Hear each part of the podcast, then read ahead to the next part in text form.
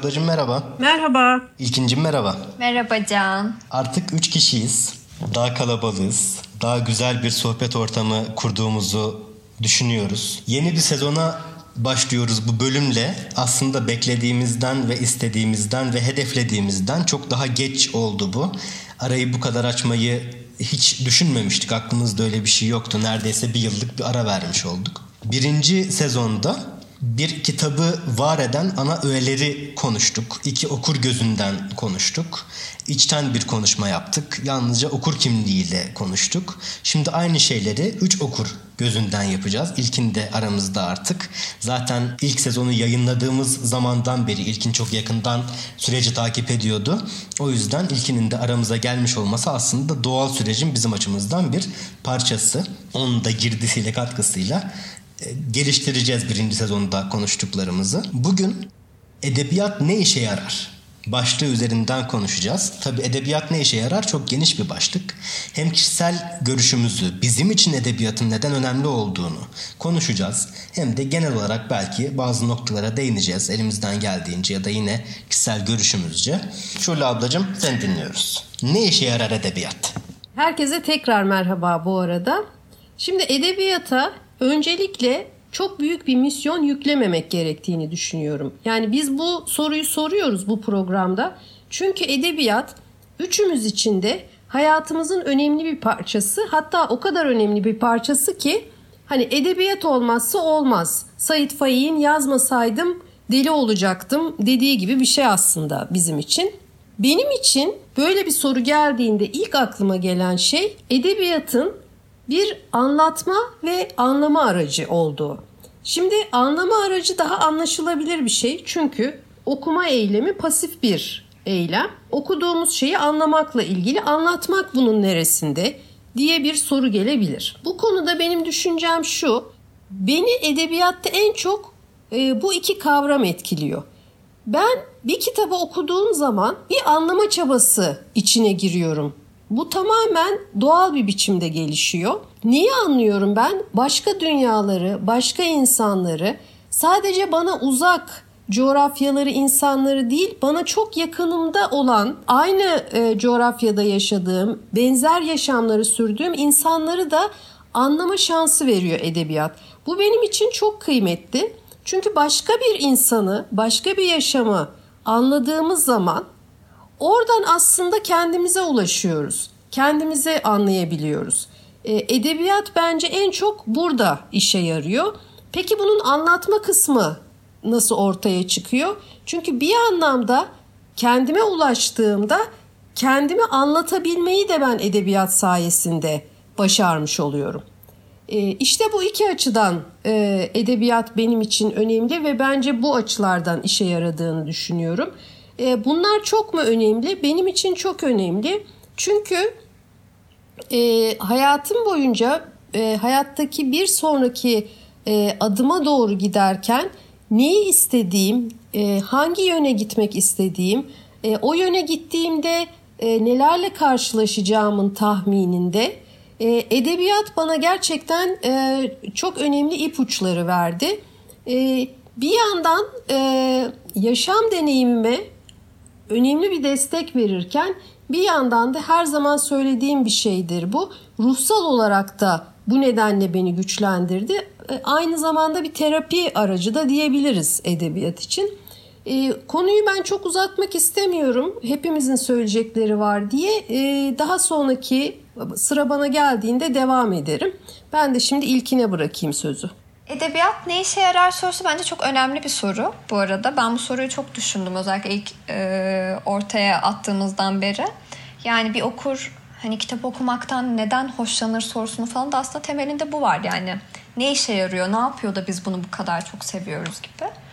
Ya böyle çok özetlemem gerekirse aslında diyeceğim şeyi bence edebiyat okurun ya da bizlerin Amerika'yı yeniden keşfetmemesini sağlıyor.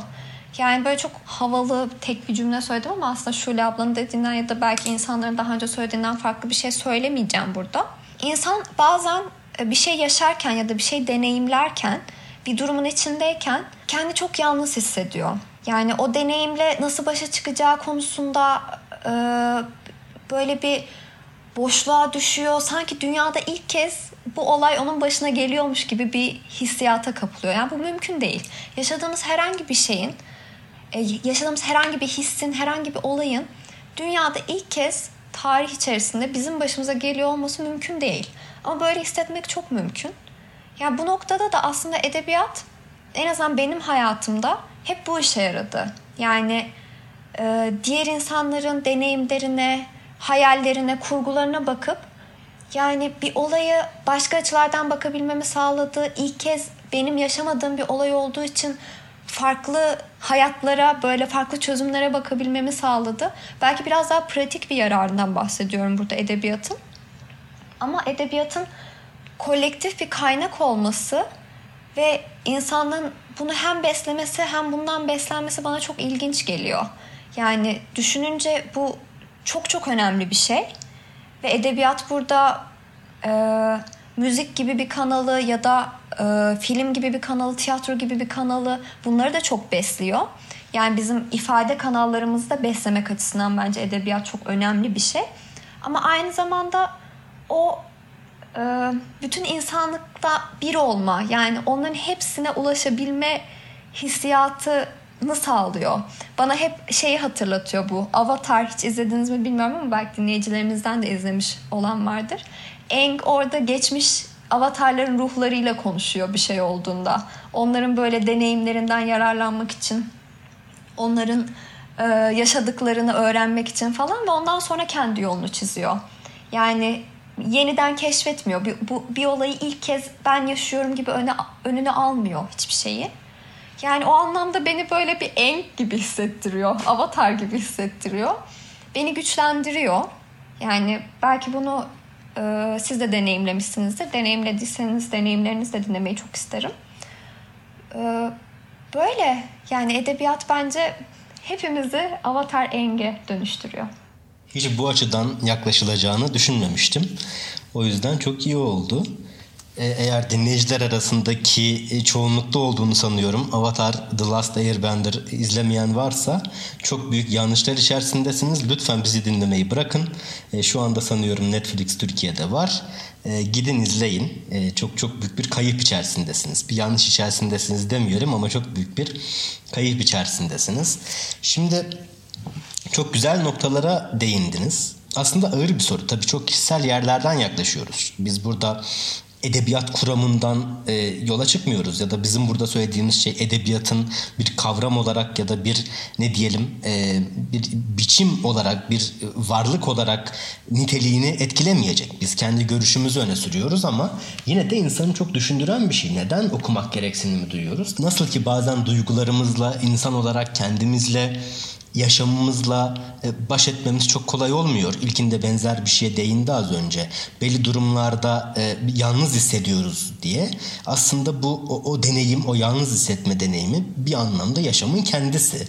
Ve edebiyat da bizim burada elimizden tutuyor. Bizi hem kendi yaşamımıza taşıyor bir anlamda hem de kendi kendimize ulaşamayacağımız bazı şeylere eriştiriyor. Ama bundan önce ben gündelik olarak şu anda ben şu anda 27 yaşındayım. Ee, yaşamımın büyük çoğunluğunda da bir şeyler okudum ve okumakta hep merkezi bir yerde oldu yaşamımda. Nasıl ki bazen çok travmatik süreçlerden geçerken ya da başka nedenle herhangi bir nedenle duygu düzenleyici ilaçlar falan kullanmamız gerekiyor ya da bazen bu tür e, terapötik süreçlerden geçmemiz gerekiyor. Ben edebiyatı böyle kullanıyorum.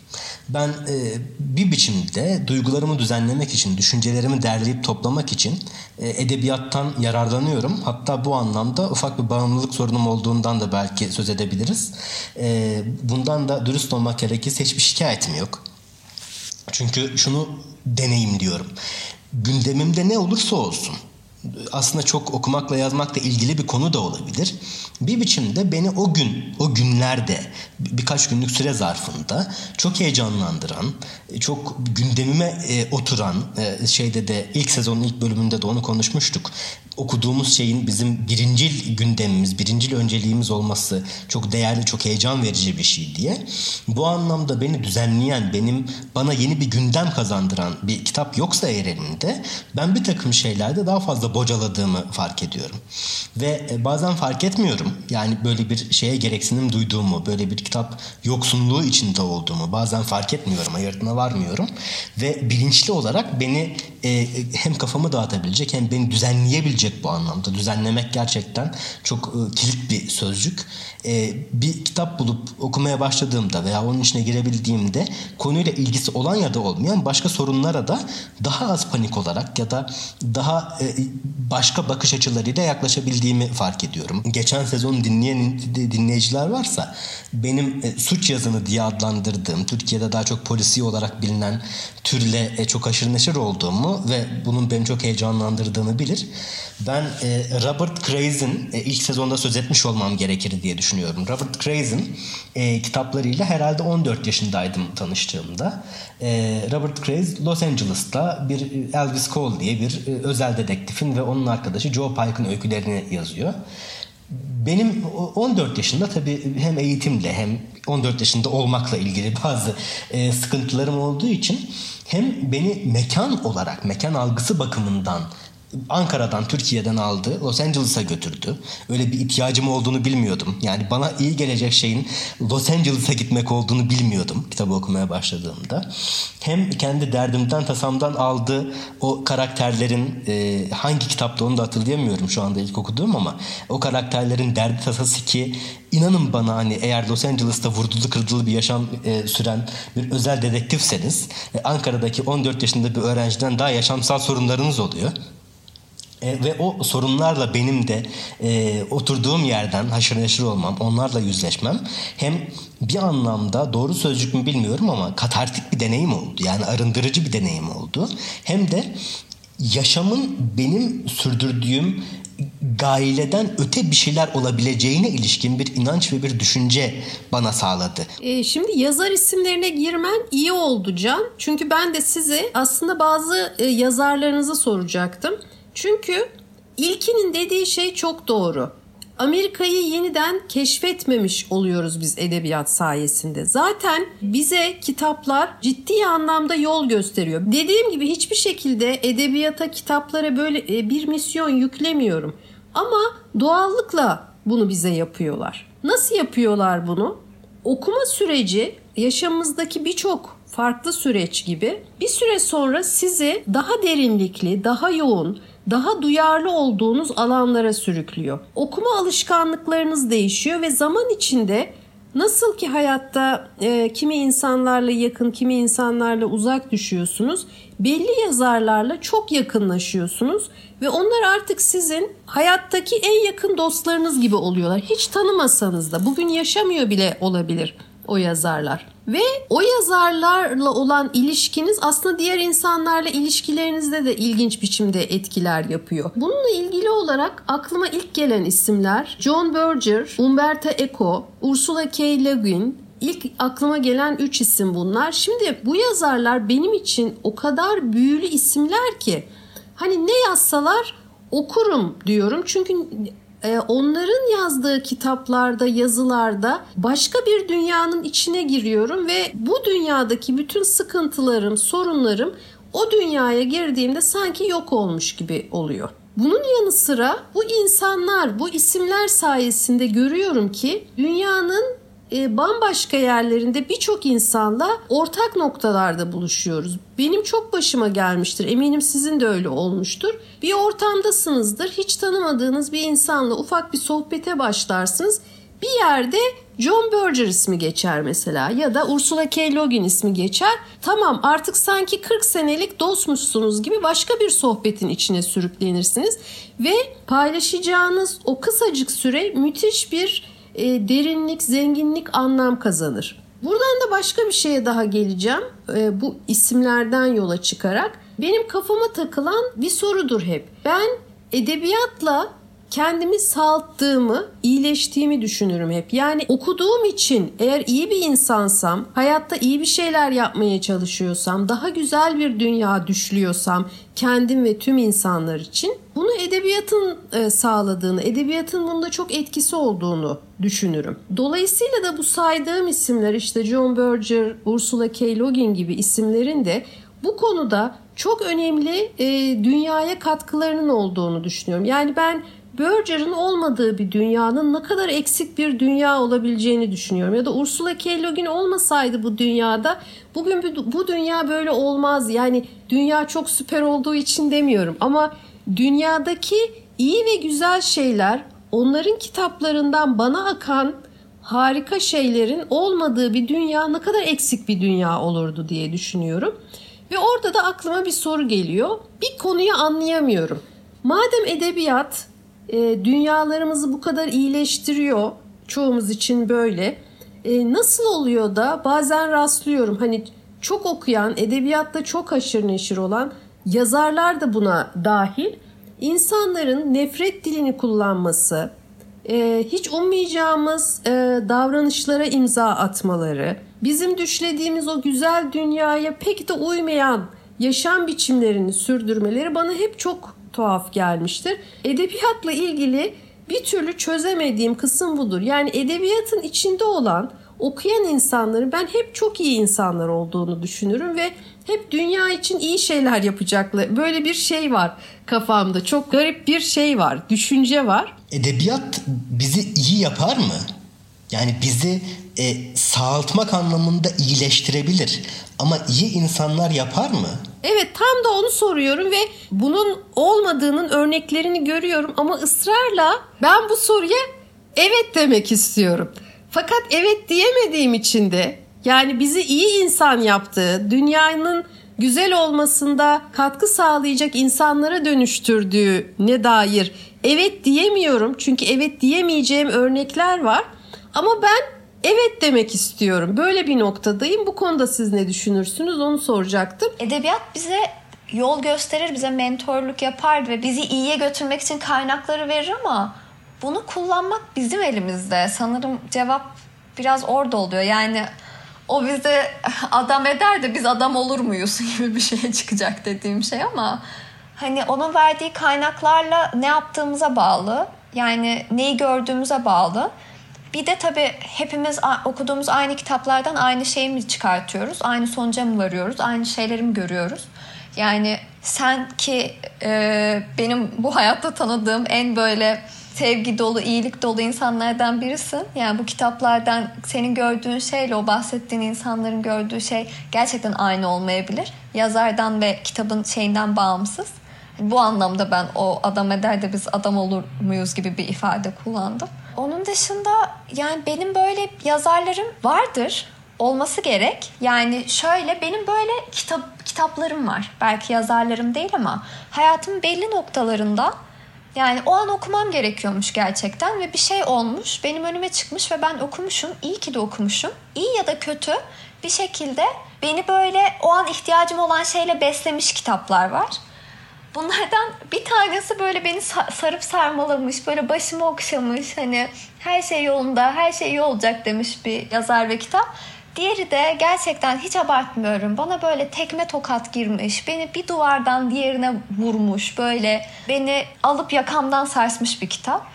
Yani birincisi Demir Özlü'nün çok da yakın zamanda kaybettiğimiz çok çok değerli bir insan. Paris Günleri kitabı. Benim hayatımda çok büyük değişiklikler yapacağım. Tek başıma ilk kez kalkıp başka bir ülkede yaşayacağım.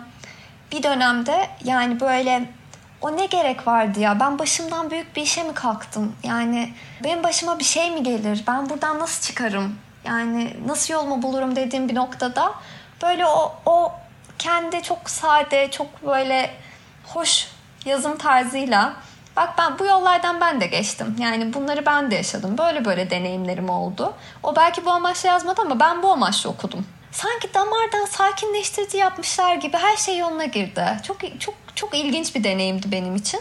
Bu arada herkese de öneriyorum. Yapı Kredi yayınlarından Paris Günleri Demir Özlü'nün. İkincisi de Gonçarov'un Oblomov'u oldu. Milyonlarca fikrim vardır benim. Can'la daha çok konuşuruz. Milyonlarca şey yapmak isterim. Milyonlarca böyle fikir aklımda uçuşur. Sonra hiçbirini yapmam. Ama hepsinde böyle çok beslerim, büyütürüm. kendimi onlara çok kaptırırım. Ve sonra onlar için hiçbir şey yapmam. Ve sonra da çok üzülürüm. Ben hiçbir şey yapmıyorum. Hayatım boşa gidiyor falan filan diye. Ortada mesela bu kitap bana Oblomov karakteriyle gerçek anlamda yani böyle olursan sana insanlar böyle bakar. Hatta bir okur olarak benim hissettiğim şeyleri bak bu insanlar ya da sen kendin içinden aslında kendine böyle bakıyorsun ve sen bundan ya böyle biri değilsin. Sen Oblomov'dan öte bir insansın böyle bana göstermiş.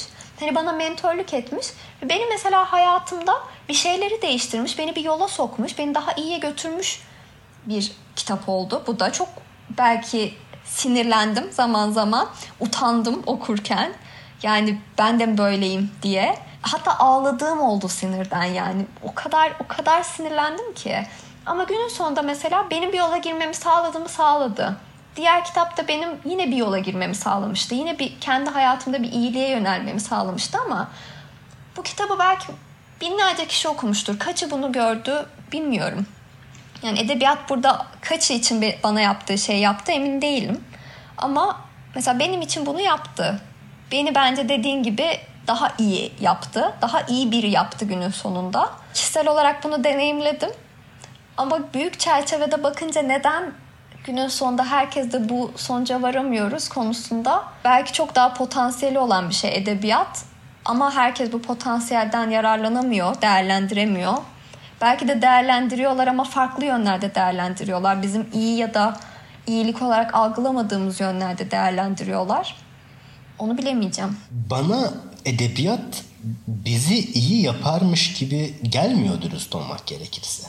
Yani kötü yaparmış gibi de gelmiyor. Bu anlamda e, kültürel yapıtlar, e, sinema, sanat, müzik, edebiyat e, birilerini iyi birilerini kötü e, yapıyor mu ben çok emin değilim. Yani insanı iyi ya da kötü yapan edebiyattan ve kültürel girdi çıktıdan e, çok daha güçlü etmenler olması gerekiyor gibi geliyor bana. Ama tabii ki hem kitlesel anlamda hem bireysel anlamda insanın kültürle ilişkisi, dünya ile ilişkisini çok yakından ilgilendiriyor ve etkiliyor. Bu da aslında edebiyatın neden yaşamsal bir noktada durduğunun bir göstergesi ya da göstergelerinden biri. Ama bana en azından ben edebiyattan bir e, değer çıkartmak yani yaşamıma uyarlayabileceğim ve yaşamımı üzerine kurgulayabileceğim değerler çıkartmak gibi bir yaklaşım içinde olduğumu düşünmüyorum edebiyattan. Yani iyi, iyi insan nedir? Ya da nasıl iyi insan olunur? Ya da nasıl şöyle yapılır? Bilmiyorum. Şeyde de ikinci, e, ilk sezonda da konuşmuştuk. Edebiyat okuru benim gözümde ya da benim olduğumu düşündüğüm e, edebiyat okuru yazın okuru bir duygu ve e, kişisel bazı arayışlarını edebiyattan çıkartmaya çalışır.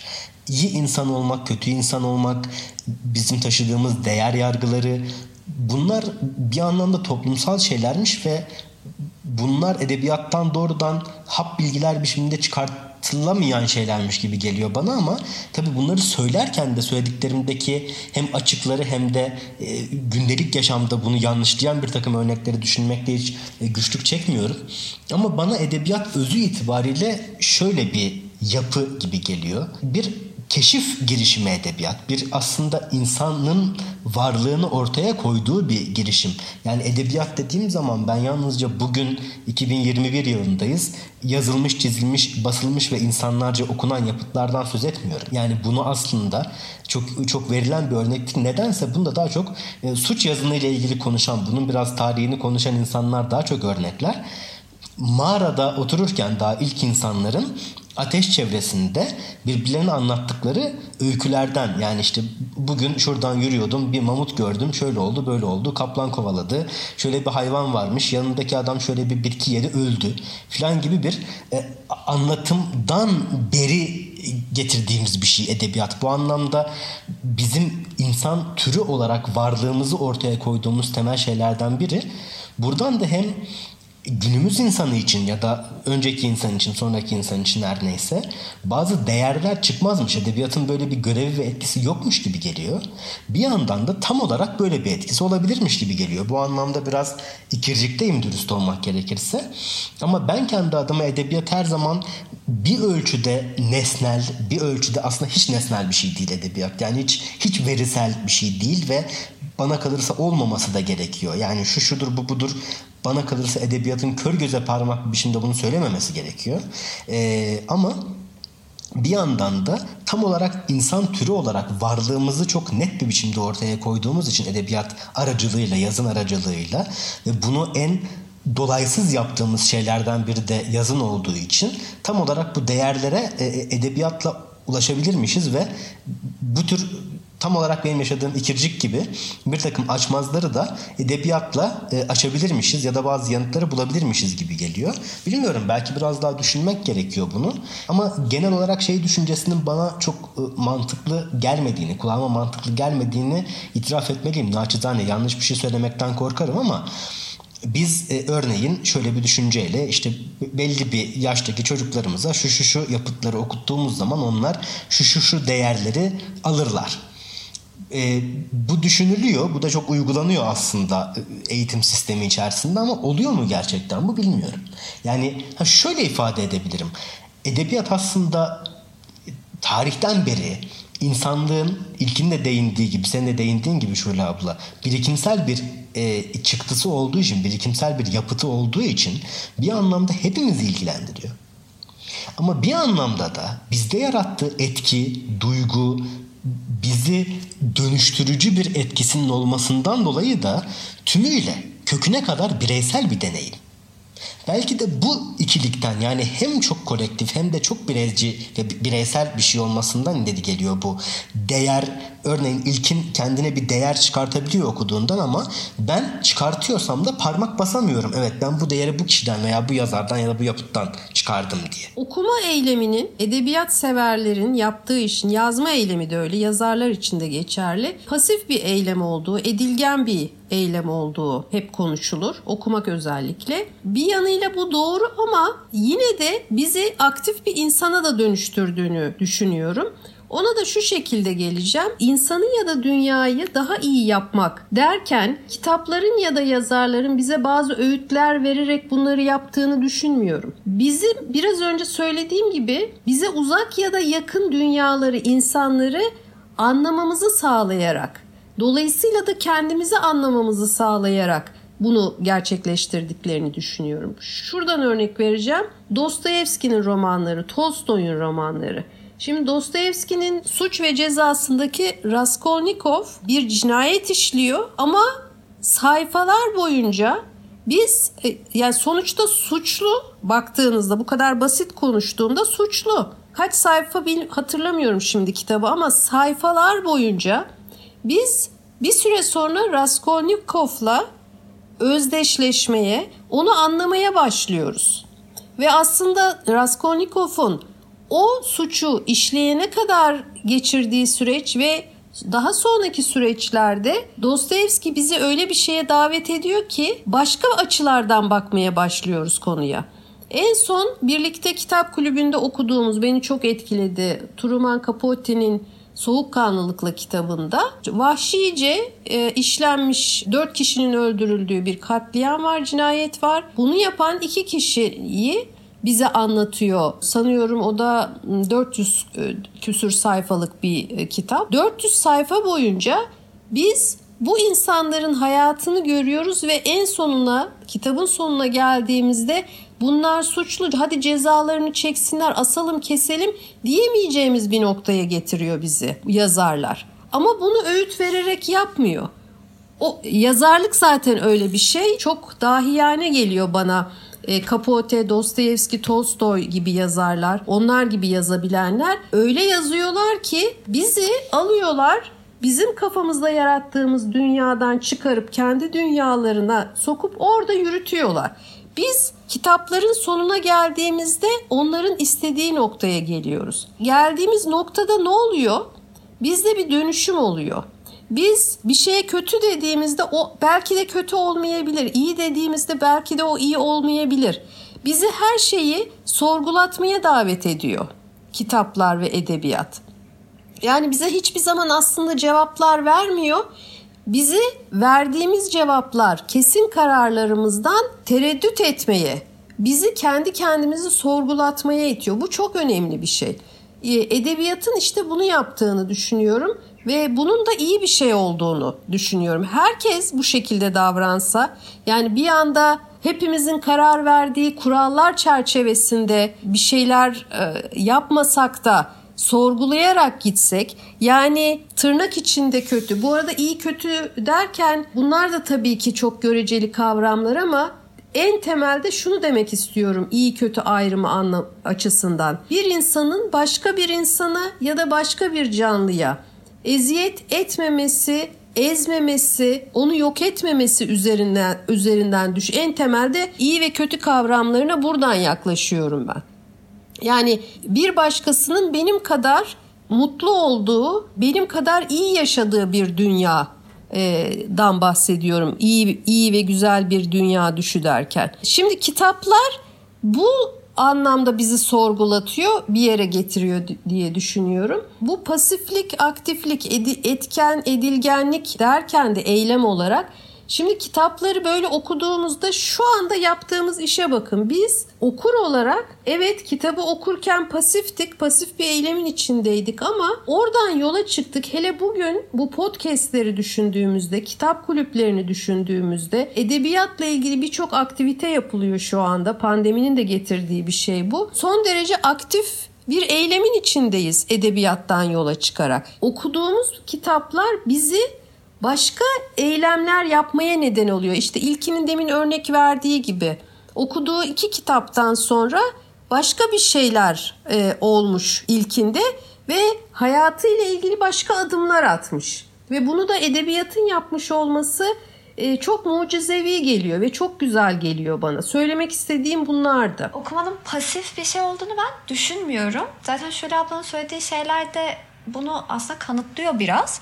Yani biz e, o an okurken pasif şekilde okusak da hani daha sonrasında kitap kulüpledir, podcastlerdir, üzerine düşünmedir, belki hayatımızda bir şeyleri değiştirmedir. Bir eylemde bulunuyoruz. Yani aktif bir tavır alıyoruz demişti. Ki bence okuma süreci de asla pasif bir süreç değil. Yani e, zaten bu arada insanın bence çok e, ahım şahım bir şey söyleyeceğim şimdi yine e, kendim kendimi çok şey yaparak ama yani insanın beynini kullandığı herhangi bir durum çok pasif bir durum olamaz. Yani çünkü sen onu okurken de üzerine düşünüyorsun. Okurken de onu değerlendiriyorsun. İyi veya kötü, haklı veya haksız ya da onu mesela insanlar kafasında bir senaryo gibi oynatıyor ya da onun üzerine bir fikir geliştiriyor, bir tahminde bulunuyor. Yani okuma süreci de oldukça aktif bir süreç zaten. Ee, Can'ın şu dediğine katılıyorum. Yani edebiyatın böyle bir görevi yok. Bence de bir misyon olarak böyle bir misyonu yok. O nedenle de edebiyat bunu başaramıyor ya da başarabiliyor mu diye bakmak bana mantıklı gelmiyor.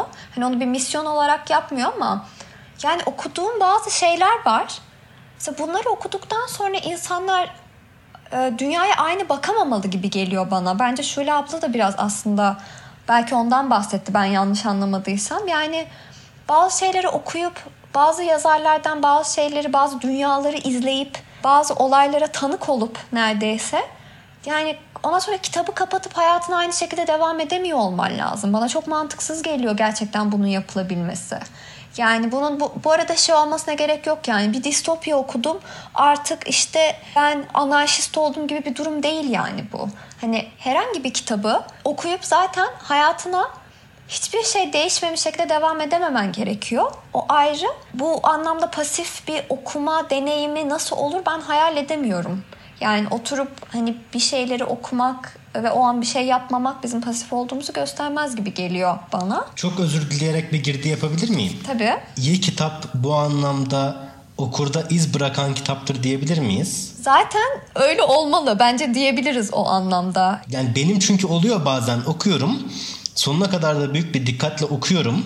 Evet bazen çok keyifle de okuyorum veya başka çok yoğun duygularla da okuyorum. Kapağı kapatıyorum ve kitabın kapağını açmadan neysem, nasılsam hayatım öyle devam ediyorum. Bu benimle ilgili bir şey mi söylüyor, kitapla ilgili bir şey mi söylüyor? Belki ikimizle de ilgili bir şey söylüyor.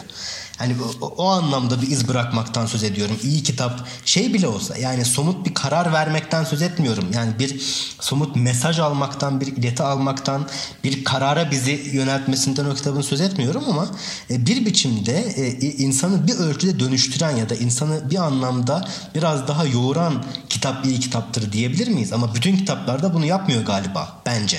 Çok özür dilerim bu girdiği için. Yo yani o anlamda Belki de evet iyi kitabı iyi kitap yapan tek sebep bu değildir belki ama çok önemli bir sebeplerden biri büyük ihtimalle tabii ki, tabii ki. budur yani. Çünkü orada sana bir şey sunmuş olması gerekiyor. Yani hani bunda dediğim gibi o görev bilincinden nasıl ayırırız bilmiyorum. Yani edebiyatın böyle bir görevi bence de yoktur. Ama iyi edebiyatla belki kötü edebiyatı ayıran ya da bir şeyi iyi edebiyat yapan diyelim. Çok önemli bir etken olabilir. Görevi olmasa da bir hani etken yani. Evet. Ben söylediklerinizden kendi düşüncelerimi de derdemek toplamak e, biçimiyle şöyle bir e, sonuç kendimce çıkardım. Daha önce de aslında e, buraya gelirken değinmek istediğim noktalarla bir ölçüde bunun bağdaştığını, uyuştuğunu görüyorum.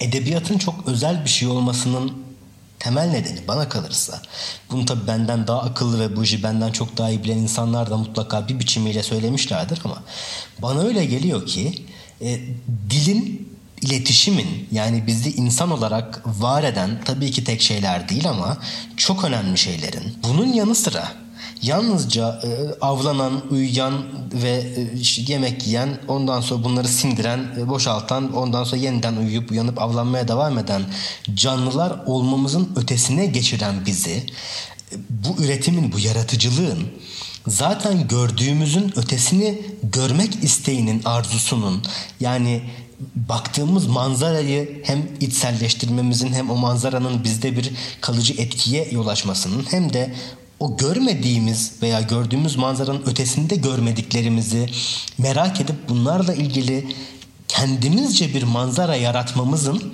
önünü açan şey bu yaratıcılık. Yani insanın aslında bu anlamda var olduğu dünyada kendisine sunulandan ya da e, gözünü açtığında veya bir biçimde artık akla erdiğinde gördüğünden öteye geçme cüretinin çok büyük bir o yürekliliğinin o aslında bir anlamda da hadsizliğinin çok önemli bir dışa vurumu gibi geliyor bana yazın. E, sanatın kendisi de tabii ki böyle bunu görsel şeylere de uyarlayabiliriz, işitsel şeylere de uyarlayabiliriz ama edebiyat biraz daha dille doğrudan bağlantılı olması e, dolayısıyla daha şey geliyor, kilit geliyor bana. Edebiyat sizlerin de vurguladığınız gibi şöyle olun böyle olun, şu değerleri taşıyın, şu şudur bu budur demiyor dememesi belki de gerekiyor ya da dese bile onu değerli kılan temel şey bu değil. Ama bir biçimde olanı da olmayanı da olabilecek olanı da bizi e, çok derinlikli bir biçimde yoğuracak biçimde bize gösteriyor.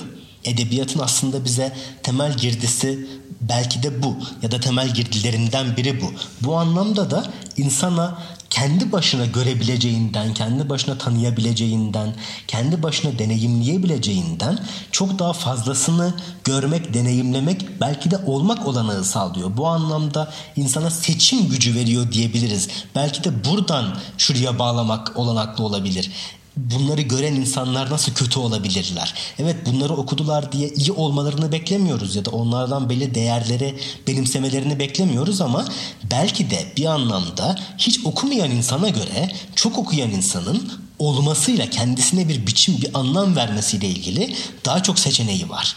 Daha fazla olanağı var. Daha fazla yol kendini açabiliyor ya da edebiyat bir biçimde, yazın, sanat bir biçimde insana bu e, yolu açıyor. Yine e, başka bir noktaya bağlayacağım buradan da aynı şey olduğunu düşünüyorum çünkü. Bunun olmasının nedeni şu. Okuduğumuz şeyleri kendimizce yeniden yaratıyoruz. Bu konuda çok fazla konuşabiliriz. Edebiyat ne işe yarar? Biz neden okuyoruz, neden edebiyatı ve okumayı seviyoruzun cevabı okur sayısı kadar. Her okur için farklı olabilir. Ama şu net bir şey. Edebiyat kesinlikle bir işe yarıyor. Bunu da her okuduğumuz kitapla kendimizde herkes deneyimliyor. Bu çok net. Dinleyicilerimizi Can Avatar izlemeye göndermişti. Umarım geri dönüp bizi dinlemeye devam etmişlerdir demek istiyorum. Ee, ve Şule ablaya katılıyorum. Yani e, sanırım ne kadar çok insan varsa o kadar çok da cevabı var bu sorunun. Ama genel olarak umarım edebiyat herkese bir şekilde fayda sağlıyordur. Benim umudum bu. Yani öyle ya da böyle herkes bir faydasını görüyordur. Herkesin bir işine yarıyordur. Ee, onu umuyorum diyerek kapatmak istiyorum ben de. Evet yeniden çok teşekkür ederim. Benim çok kafamı açan bir konuşma oldu. Dinleyicilere de çok teşekkür ederiz. Umarım gerçekten e, Avatar The Last Airbender izledikten sonra buraya geri gelmişlerdir bu sohbeti. E, onlar da derinleştirirler. Onlar da bizlerle bunu paylaşırlar. Kapanışı şöyle yapıyoruz. Her zamanki gibi Bilge Karasu'yu özlemle anıyoruz ve diyoruz ki ne kedisiz, ne kitapsız, ne şiirsiz kalın. Hoşçakalın.